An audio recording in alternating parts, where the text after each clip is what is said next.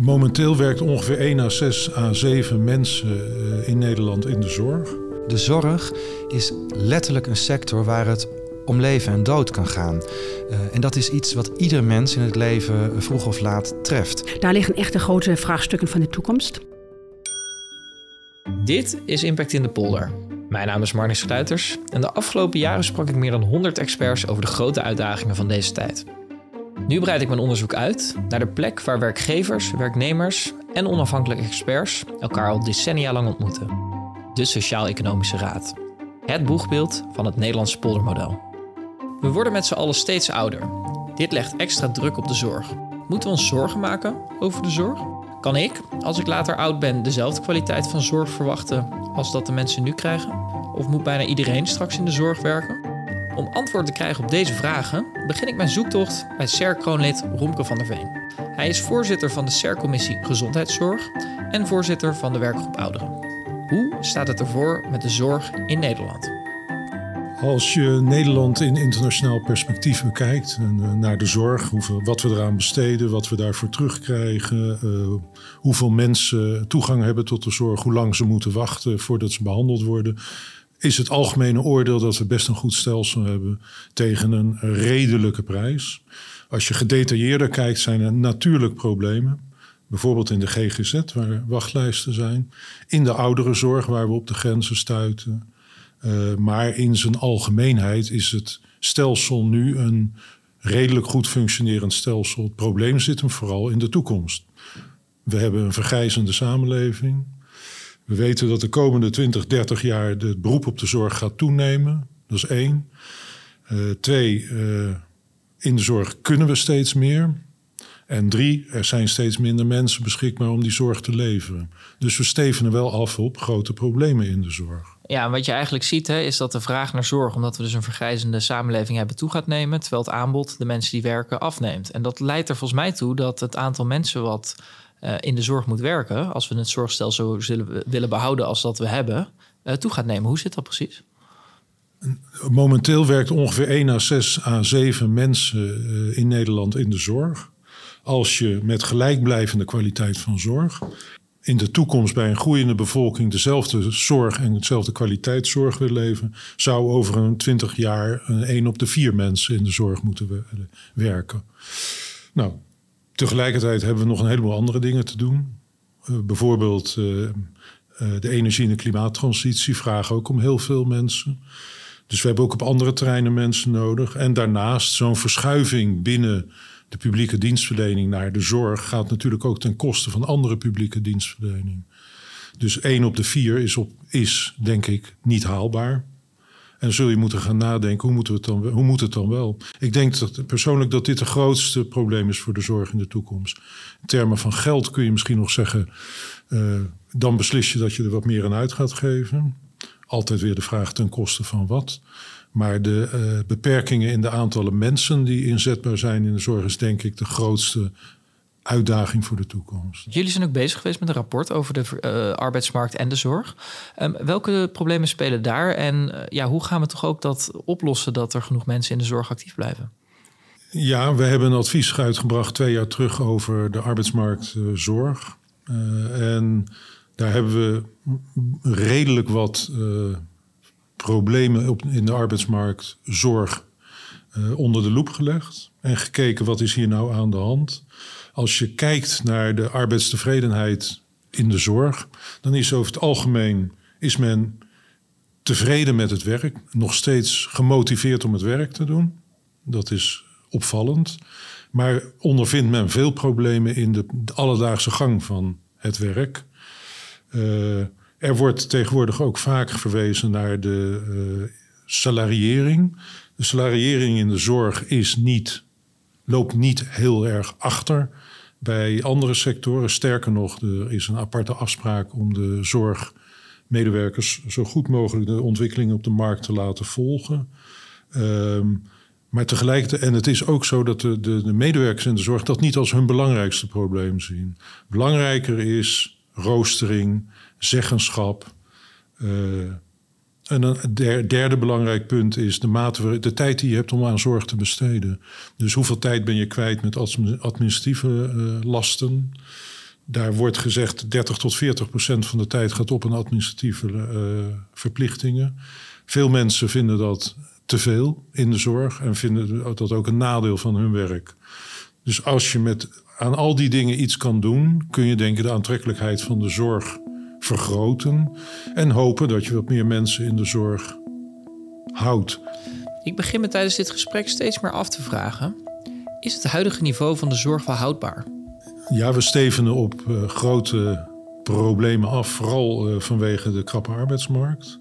Uh, het varieert uiteraard van sector tot sector hoe groot die problemen zijn. En ik denk dat het grootste probleem gaat spelen in de ouderenzorg. Uiteraard vanwege het fenomeen van vergrijzing.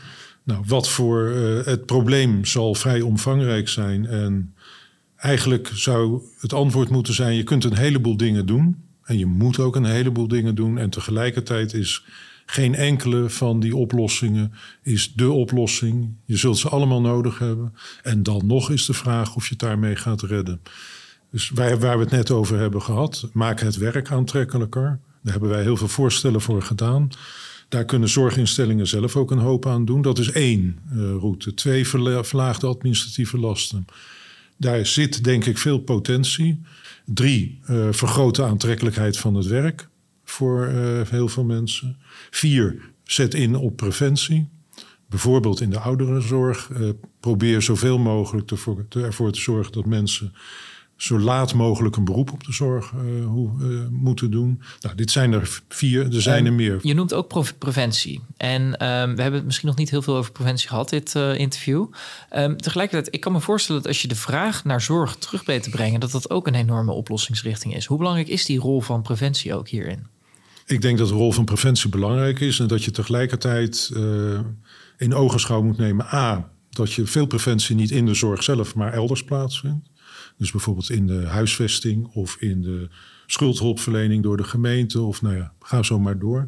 Daar krijg je een beleidsprobleem. Want hoe ze, uh, activiteiten in de, in de volkshuisvesting hebben effecten in de zorg. En dat zijn vaak in ons beleid gescheiden uh, kolommen financieel en beleidsmatig gescheiden. Dus het is best wel lastig om preventie goed op de rails te zetten. Dat is één. Twee, je moet je ook realiseren dat preventie voor een deel uitstel is. Voor een deel zul je ervoor kunnen zorgen dat mensen eh, minder problemen krijgen, maar voor een belangrijk deel is het ook het uitstellen van zorgvragen.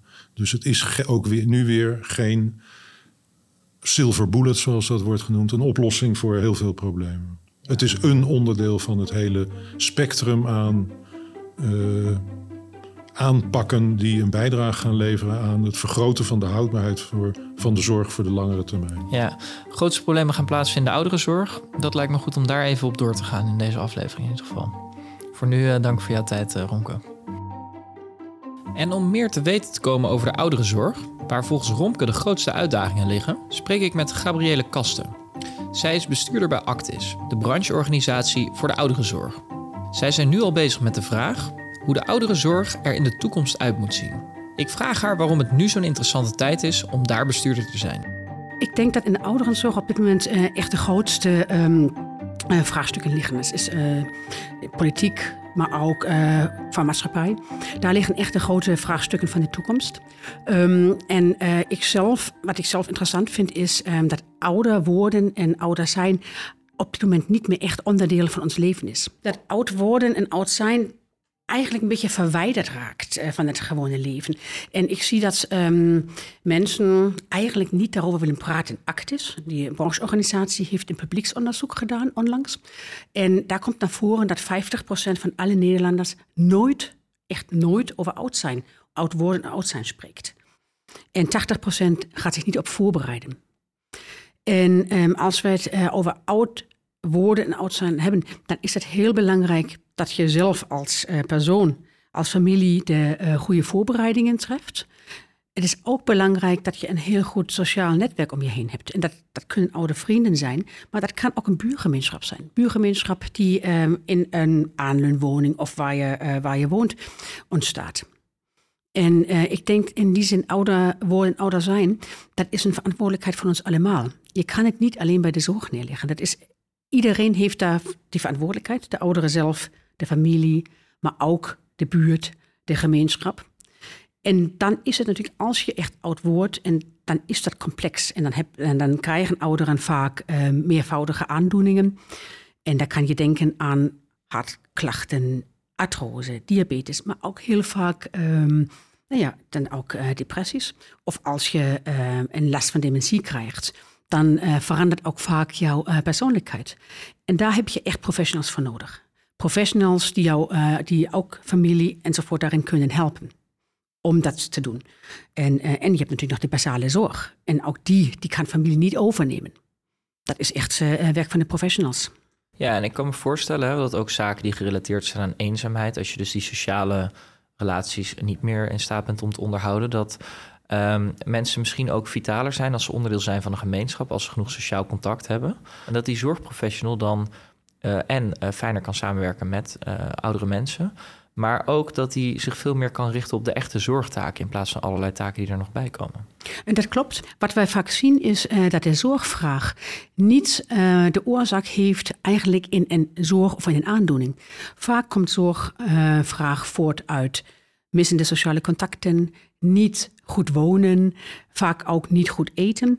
En dan op een bepaald moment wordt het echt een zorgvraag. Maar als we daarvoor zowel ouderen zelf, maar ook de, buur, de, de, de buurt uh, of um, de familie daarvoor kan zijn. En ook daar veel meer ervoor kan zorgen dat mensen omkijken naar elkaar. Dat ze ook dingen voor elkaar oplossen. Dan zien wij heel snel dat zwaardere zorgvraag uitgesteld wordt. En maar is met die uitstel, wordt de zorgvraag daarmee ook minder? Want um, worden mensen dan ook minder lang chronisch ziek bijvoorbeeld? Want ik kan me voorstellen als de totale zorgvraag hetzelfde blijft, dat je het probleem niet opgelost hebt. Ja, kijk, maar die, uh, die, die uh, zorgvraag die komt in de loop van de jaren. En die bouwt zich op. Je hebt niet met 75 opeens van alles. En die bouwt zich op. En dan kan je heel goed kijken wat uh, kan een uh, niet-professional, wat kan de uh, buurt, wat kan de familie een niet-professional oplossen. En waar is dan ook echt de zorg nodig? Dat is natuurlijk ook tot nu toe door die enorme medische vooruitgang, denk je eigenlijk en het idee ook in de maatschappij dat dat leven zo maakbaar is is het heel vaak dat ook geprobeerd wordt, ook nog bij ouderen, altijd tot herstel, tot genezing te komen. En het belangrijke is eigenlijk dat uh, bij, uh, bij oud zijn of oud worden, oud zijn, um, de mooie dag en de rustige nacht. En dan is het niet altijd even belangrijk dat iemand nog de laatste medische behandeling krijgt. Dat is. Um, zo, we kijken ook met uh, de ouderen en met uh, familie. Wat is wenselijk? En welke medische behandeling is in de laatste fase nog wenselijk? En waar gaan we op een bepaald moment op comfort ook inzetten? Niet iedereen met een heupfractuur of een gebroken heup gaat nog naar het ziekenhuis. We kijken heel duidelijk, heeft het nog van toegevoegde, iets van toegevoegde waarde voor het waardevolle leven, voor de, het waardevolle sterven als moeder of vader nog naar het ziekenhuis gaat? Of zorgen wij daarvoor voor comfort in de laatste fase? Ben je er dan van overtuigd dat als we ook uh, ja, zorg voor ouderen veel meer onderdeel maken van het leven, dus het leven als samenleving, dat we het niveau van de zorg op hetzelfde niveau kunnen houden, ondanks dat we in die ja, behoorlijk vergrijzende samenleving zitten? Dat is een beetje de vraag wat je hetzelfde niveau uh, noemt, uh, of wat, wat je daarmee bedoelt. Um, in de, de, laatste jaren is in de ouderenzorg uh, een beweging gaande naar comfort in plaats van herstel. Voor ouderen is vaak een waardige laatste levensfase veel belangrijker dan de laatste goede behandeling. En ik denk dat we voornamelijk als maatschappij daarna moeten kijken. En niet zozeer naar de hoge medische standaarden, maar meer naar het uh, waardige uh, laatste levensmoment. Het gaat niet alleen om zo oud mogelijk worden. Het gaat er misschien wel juist om om op een waardige manier oud te worden, waarbij je onderdeel bent van de samenleving. Laten we verder de praktijk induiken. En voor de verandering doe ik dat niet zelf. Kim Putters, de voorzitter van de SER, die later in deze podcast ook bij mij aanschuift, gaat met zijn videoserie Zicht op ook zelf het land in. Hij was onlangs in het zorgcentrum Rivas in zijn geboorteplaats Hardingsveld-Giessendam. Hij sprak daar met de locatieleider over de problemen in het systeem en het inzetten van vrijwilligers. Laten we een stukje luisteren. We gaan op een zorgkloof af, zegt de buitenwereld. Eigenlijk zitten we er al middenin. We hebben 60 vrijwilligers en ook al Mooi. echt uh, naasten die uh, betrokken zijn bij hun geliefden. Ja. En ook daarin al een stuk van de zorgtaken of aandachtstaken, welzijnstaken, taken op zich nemen die thuis normaal waren. Maar ik merk ook nog wel dat het We hebben het systeem er niet op ingeregeld. Hè? Dus we vinden het ook allemaal nog wel moeilijk, spannend. Eh, de zorg krijgt ook een andere rol in deze. Hoe ga je nou gelijkwaardig samenwerken? Mm. En uh, ja, dat terwijl je nog overal alles moet registreren. Hoe doe je dat dan als naaste? Dus je loopt ook vast in het systeem? In het systeem lopen we nog vast. En ook de naaste uh, heeft vaak nog een baan. Ja. Hoe ga je het doen? Hoe combineer je het zorgen met het werken? Ja. Uh, werkt de werkgever daar een beetje in mee? Dat... Nee, eigenlijk nog niet. Nee. dus je neemt een tijdje zorgverlof, maar je ouder of je partner woont hier nog. Dus het verlof is op en dan. Ja. dus het heeft nog veel maatschappelijke dilemma's.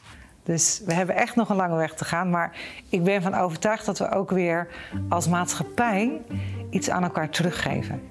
Ik, ik heb de overtuiging dat samen zorgen voor elkaar, dat dat de beste vorm is. Want ik wil de naaste naast me als ik ouder word. En jij ook, denk ik. Kim, ehm, ja, je had een mooi gesprek waar we net naar hebben zitten luisteren. Um, hoe groot is volgens jou dat probleem van die vergrijzing nu echt? Nou, laat ik het omdraaien. Um, dat het niet alleen maar een probleem is. Het is toch wel goed om even te zeggen dat het feit dat wij ouder worden, dat we langer leven, dat dat uh, ook een verworvenheid van onze uh, naoorlogse verzorgingsstaat is, waarin we in, op het gebied van onderwijs, gezondheidszorg, werk, economie een heel welvarend land zijn geworden, waarin we gewoon ouder worden. Dat zie je overal in de wereld. Als dat op orde is, of als dat de goede kant op gaat, dan leven mensen langer. Dus dat is de ene kant van het verhaal. De andere kant is, ja, um, er zijn dus uh, steeds meer mensen waarvoor gezorgd moet worden door steeds minder mensen. Want de bevolking uh, blijft niet in de pas lopen met het aantal oudere mensen, zou ik maar zeggen. Dus uh, het leidt tot vraagstukken op de arbeidsmarkt in de zorg. Het leidt tot vraagstukken in termen van, nou, kunnen mensen langer thuis blijven wonen? Tot wanneer? Of hebben we toch weer tussenvoorzieningen nodig, die er inmiddels niet meer zijn? Want we hebben geen bejaardenhuizen meer en verzorgingshuizen zijn er nog maar heel weinig. Het zijn echte verpleeghuizen waar de mensen zitten die echt allerlei aandoeningen hebben en anders thuis en thuishulp. Maar daartussenin zullen we dus ook uh, voorzieningen moeten hebben waarin mensen toch zelfstandig kunnen wonen, maar wel de hulp kunnen krijgen die nodig is. Dus we, de uitdaging is slim omgaan met wonen, zorg en nieuwe technologie. Ja, en want um, uit rapporten blijkt dat als we zo doorgaan, we in 2040 één op de vier mensen nodig hebben in de zorg. Nou, dat is aan zich natuurlijk al een heel groot probleem, maar ik spreek je iedere keer voor deze podcast. We staan voor grote maatschappelijke, uh, ja, uh, misschien wel ontwrichtingen. We hebben mensen op allerlei plekken nodig. Dat betekent ook dat je die mensen niet kan inzetten voor bijvoorbeeld energietransitie. Exact. En dat betekent dus ook dat we, uh, we moeten echt veel meer doen dan alleen maar zorgen dat er genoeg zorgvoorzieningen zijn en genoeg personeel is. We zullen dus bijvoorbeeld ook aan de preventieve kant veel meer moeten doen. Ik bedoel, daar praten we echt al zo lang over dat het moet lonen uh, om te investeren in preventie. Of dat nu is bij jonge kinderen die gezond leven, gaan sporten, bewegen, maar ook gewoon niet in armoede opgroeien. Nou, de sociaal-economische gezondheidsverschillen, waar ook een mooie aflevering van deze podcast over is. Ja, die kun je voorkomen door gericht beleid, goed werkend onderwijs, goed werkende armoedebestrijding en, en, gezond en sportief leven. Ja, en tegelijkertijd preventie is interessant. Romke van der Veen vertelde daar ook over. Uh, je kunt wel preventie doen, dan worden mensen ouder. Maar het betekent niet per se dat ze minder ziek worden. Hoe zie je dat? Want is het niet gewoon dat ja, er een prop in de kabel zit of een kink in de kabel en dat we die iets aan het uitstellen zijn? Want dan hebben we het probleem natuurlijk ook niet fundamenteel opgelost. Ja, nee, kijk, um, het is, het is uh, nou helaas zou ik bijna zeggen, inherent aan het leven dat we allemaal uh, wel een keer ziek worden uh, en nou ja, hopelijk niet al te ernstig. Um, en zeker als je ouder wordt, dat het ouderdom komt met gebreken, zegt het al oude spreekwoord al. De manier waarop die gebreken komen, die verschilt wel uh, tussen groepen mensen in onze samenleving. Dus we zien gewoon dat mensen die gedurende hun werkende leven zwaar werk hebben gehad, misschien iets minder makkelijke financiële en arbeidsomstandigheden hebben gehad, um, nou, misschien ook uh, minder uh, armslag hadden om naar de sportvereniging te gaan of om op een andere manier aan stress te ontkomen, dat in die groep uh, ja, de problemen sneller stapelen dan in mensen die dat allemaal niet ervaren. Dus ja, um, het komt sowieso uh, in een grote, gro grotere groep ouder wordende Nederlanders. Maar de manier waarop ziekte en ongezondheid komt, die verschilt heel erg tussen groepen. En daar kan je in preventieve zin natuurlijk wel iets aan doen. Nou hadden we het met Gabriele ook over waardig oud worden. Dat betekent misschien ook dat we niet meer altijd de medische ingreep moeten doen. Maar dat ja, ook andere zaken dan medisch, bijvoorbeeld comfort, dat dat misschien wel betere oplossingen zijn dan altijd maar weer een operatie om zogenaamd gezond te zijn. Hoe zie jij dat? Moeten we ook wel kijken naar andere oplossingen en hoe je ja, waardig oud kan worden in plaats van gezond oud? Ja, dat is een heel belangrijk gesprek. Het is vooral ook echt een, moet het een gesprek zijn tussen patiënten, cliënten, familie en, uh, en hulpverleners op basis van vertrouwen. dus uh, op het moment uh, dat je het hebt over van nou zou u die behandeling nog wel doen, want nou misschien levert het uh, maar heel kort levenswinst op en gaat je gezondheid zo snel achteruit dat het ook helemaal geen fijne tijd is, dan moet je wel die dokter kunnen vertrouwen dat hij dit oprecht zegt om jouw kwaliteit van leven zo hoog mogelijk te laten zijn en dat dat niet in de allereerste plaats uh, vanwege de kosten of het geld is, want dan neemt het wantrouwen in de instituties eigenlijk alleen maar toe en dat zien we natuurlijk ook, ook in ja, de zorg. Ik, ik kan me voorstellen dat als de dokter er nog net niet met de factuur in de rekenmachine bij zit, dat je denkt, ja, maar allemaal hoela, ik uh, kijk wel uit. Ja, dus er zijn, om dat te voorkomen, dat het ook het wantrouwen in de oordelen van de gezondheidszorg uh, eigenlijk in twijfel trekt, hè, dat het wantrouwen toeneemt, om dat te voorkomen, zie ik tenminste twee heel belangrijke dingen. Het eerste is kennisdeling. dus de hulpverleners doen dat natuurlijk. Wat een voorbeeld. Uh, we weten uh, uit internationaal onderzoek dat heel veel patiënten op latere leeftijd uh, niet precies weten of de behandeling die ze nog krijgen, of dat is om het leven te verlengen of om nog beter te worden. Nou, in dat gesprek tussen hulpverlener en patiënt, kan je die kennis natuurlijk heel neutraal delen. Hè? Van als u deze behandeling doet, levert het u zoveel winst op, maar u wordt niet meer beter. Dat is een ander verhaal dan dat patiënt de deur uitgaat met de gedachte dat dat wel zo is, dat je nog, uh, nog uh, gezonder leven kunt krijgen. Het tweede, wat vervolgens heel belangrijk is, is dat er een verschil is tussen kwaliteit van zorg en kwaliteit van leven. Dus de kwaliteit van zorg die kan optimaal zijn, maar uiteindelijk toch ertoe leiden dat je langer leeft met heel veel pijn. Terwijl als je die behandeling niet zou doen of iets anders zou doen in de ondersteuning, je misschien juist een hele hoge kwaliteit van leven nog zou kunnen hebben met jouw naaste. En als je dat ook serieus uh, en in vertrouwen kunt bespreken, ja, dan ontstaat er een dialoog. Maar dat vertrouwen moet dus eerst wel gewonnen worden. Ja, het is dus echt belangrijk dat we ook weer integraal gaan kijken. Ja, en Kim, jij bent hier persoonlijk veel mee bezig geweest. Waarom vind je dit nou specifiek zo'n belangrijk thema? Nou, de zorg is letterlijk een sector waar het om leven en dood kan gaan. Uh, en dat is iets wat ieder mens in het leven vroeg of laat treft. En ja, daar wil je je liever niet druk om maken. Het moet er gewoon zijn en het moet gewoon goed zijn op het moment dat je daar een beroep op moet doen. En het heeft mij altijd bezig gehouden uh, bij te willen dragen aan een goede gezondheidszorg, zodat mensen zich er niet druk om hoeven te maken. En ik vind ook dat daar een collectieve verantwoordelijkheid ligt, niet alleen bij de politiek, maar ook bij de samenleving en bij de SER, bij de sociale partners, om daaraan bij te dragen. De zorg staat voor grote uitdagingen en de ouderenzorg in het bijzonder. Het is natuurlijk ook iets ontzettend moois dat we met z'n allen steeds ouder worden. Al veroorzaakt die vergrijzing ook grote problemen. In de toekomst moeten we waarschijnlijk meer van elkaar gaan vragen. Maar we moeten nu al nadenken over wat het eigenlijk betekent om waardig oud te worden. En misschien is het antwoord op die vraag voor iedereen wel anders. Bedankt voor het luisteren naar Impact in de Polder. Lisanne van het Riet was verantwoordelijk voor de redactie vanuit de Sociaal-Economische Raad. Max Boogaard van On The Record Media deed de productie. En ikzelf, Marnix Sluiters, maker van de Ecosofie-podcast, deed het onderzoek en de presentatie. Wil je meer afleveringen luisteren van Impact in de Polder? Vergeet je dan niet te abonneren in jouw podcast-app. Tot de volgende keer.